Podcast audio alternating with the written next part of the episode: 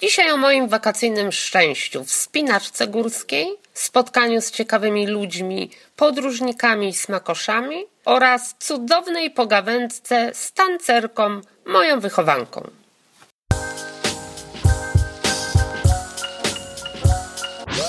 Cześć, jestem Magda, a ty właśnie słuchasz dźwiękowej wersji mojego bloga magdablog.pl. Zaczynamy! Kilka sposobów na wakacyjne szczęście. Wakacje to świetny czas na to, aby pobyć ze sobą, bez wymówek i pośpiechu. Nie kontrolować czasu, zanurzyć się w sobie, nawet w tłumie ludzi, w pociągu, na ulicy i w domu. W opowieściach innych ponownie odkryć swoje potrzeby, wyrzucić z głowy wszystkie złe myśli, uświadomić sobie, w jaki sposób błędy zmieniły to, co później się wydarzyło poznać nowych ludzi, którzy mają odwagę żyć bez schematów, pogadać ze sobą, po przyjacielsku. Wspinaczka. Obciążona uprzężą i lążą, z kaskiem na głowie, idę w stronę żelaznej drogi. Próbuję nie zwalniać. Pokonuję nierówny oddech, swoje ograniczenia, w milczeniu z moim nieziemskim teamem stawiam krok za krokiem. Wsłuchuję się w siebie. Boję się, że nie dam rady. Zabraknie mi sił fizycznych i noga, ręka, przepięcie karabinku. Nie można się wycofać. W bezpiecznej odległości za mną są kolejni wspinacze. Zmęczona dochodzę do wiaferaty. Krótki odpoczynek. Na żelaznej drodze zyskuję świeżą dawkę energii. Skała i ja. Całkowite wewnętrzne oczyszczenie.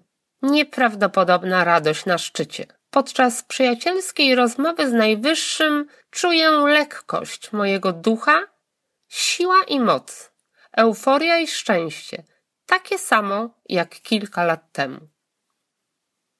Co, gdzie, kiedy w Poznaniu?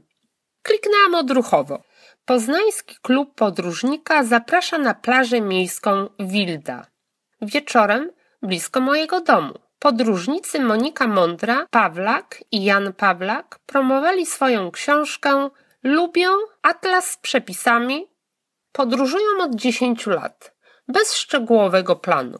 Najważniejszy jest bilet na samolot, a potem spontaniczne odkrywanie nieznanego. Śpią w najtańszych hotelach. Lepiej zaoszczędzone pieniądze wydać na jedzenie. Nigdy nie korzystają z biur podróży. Na miejscu wypożyczają samochód od lokalnych firm. Jeśli mają zasilać budżet, to tylko miejscowy. Opowiadali o swoich wyprawach do Hongkongu, Izraela, Kambodży, Kuby, Laosu, Maroka, Peru, również do Portugalii, Sri Lanki, Szwecji, Tajlandii, aż trudno uwierzyć. Trochę historii, osobistych anegdot, nieplanowanych przygód dodało szczególnej pikanterii ich relacji. Wyczulony węch Moniki pozwala dobrze prognozować smaki miejscowych potraw. Małżonkowie są smakoszami. Odkrywają miejscowe specjały. Dlatego od 2012 roku prowadzą na poznańskiej śródce Café La Ruinę z autorskimi wypiekami a od 2013 raj z kuchnią ich podróży. Mówią z przekonaniem: świat jest kolorowy i ludzie się lubią. Ze spotkania zabieram dobrą energię podróżników.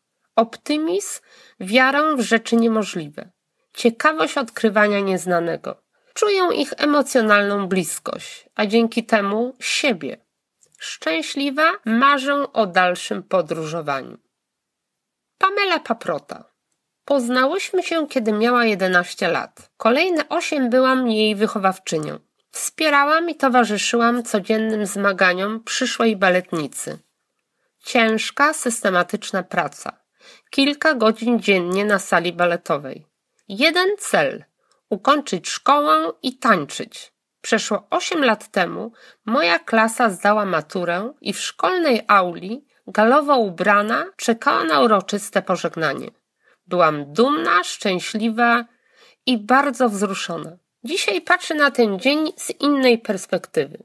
Pamela tańczyła dwa lata w teatrze muzycznym w Łodzi. Potem w Kieleckim Teatrze Tańca, tam pracuje nadal. Ukończyła kierunek pedagogiczny w Wyższej Szkole Umiejętności w Kielcach oraz instruktorski kurs tańca jazzowego.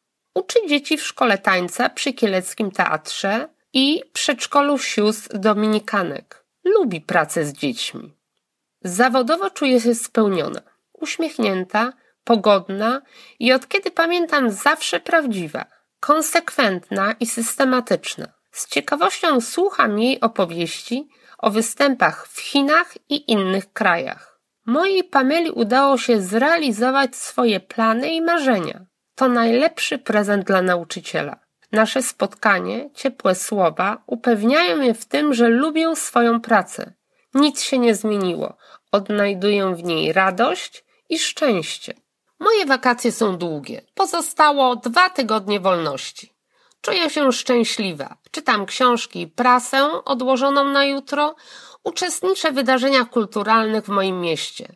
Poukładałam się w sobie. Cieszę się ze spotkań z ważnymi dla mnie ludźmi. Łączą nas wspólne emocje. Czuję spokojność. Po fali upału zaczęłam biegać. Wzmacnia mnie silne ciało i dobra kondycja. Wówczas skutecznie dystansuję się do spraw, na które nie mam wpływu. Gawędzę ze sobą po przyjacielsku. Na dzisiaj tyle. Jeśli chcesz być na bieżąco, zapraszam na mój Facebook, Instagram i blog. Do zobaczenia!